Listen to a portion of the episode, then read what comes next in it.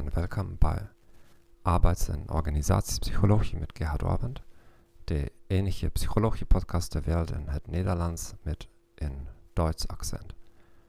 Vandaag zullen we praten over de hiërarchie van behoeften van Maslow.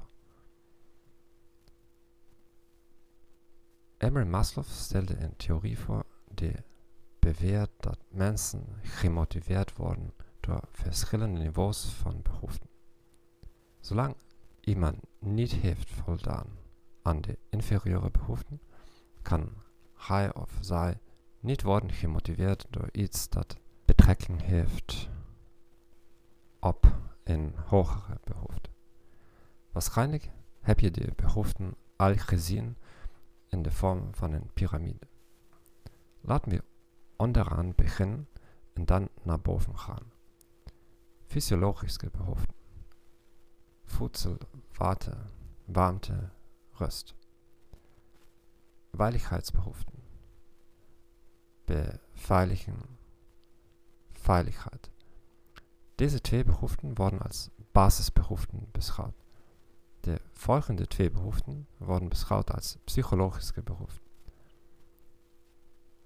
Behoeften om erbij te horen en liefde. Intieme relaties, vrienden. Behoeften om gerespecteerd te worden. Prestige, gevoel van voldoening. De behoefte van de hoogste orde is zelfactualisatie. Om iemands volledige potentieel te bereiken, inclusief creatieve activiteiten. Er is veel wetenschappelijke kritiek op de theorie. Moet je echt aan alle basisbehoeften voldoen om gemotiveerd te worden door zelfactualisatie of waardering? Zijn er andere behoeften die niet in zijn theorie worden overwogen? Zijn er verschillen tussen mannen en vrouwen of tussen culturen? Toch herinnert de theorie ons eraan om te proberen onze medewerkers, partners en klanten beter te begrijpen. Op welk behoeftenniveau hebben ze als we contact met ze hebben?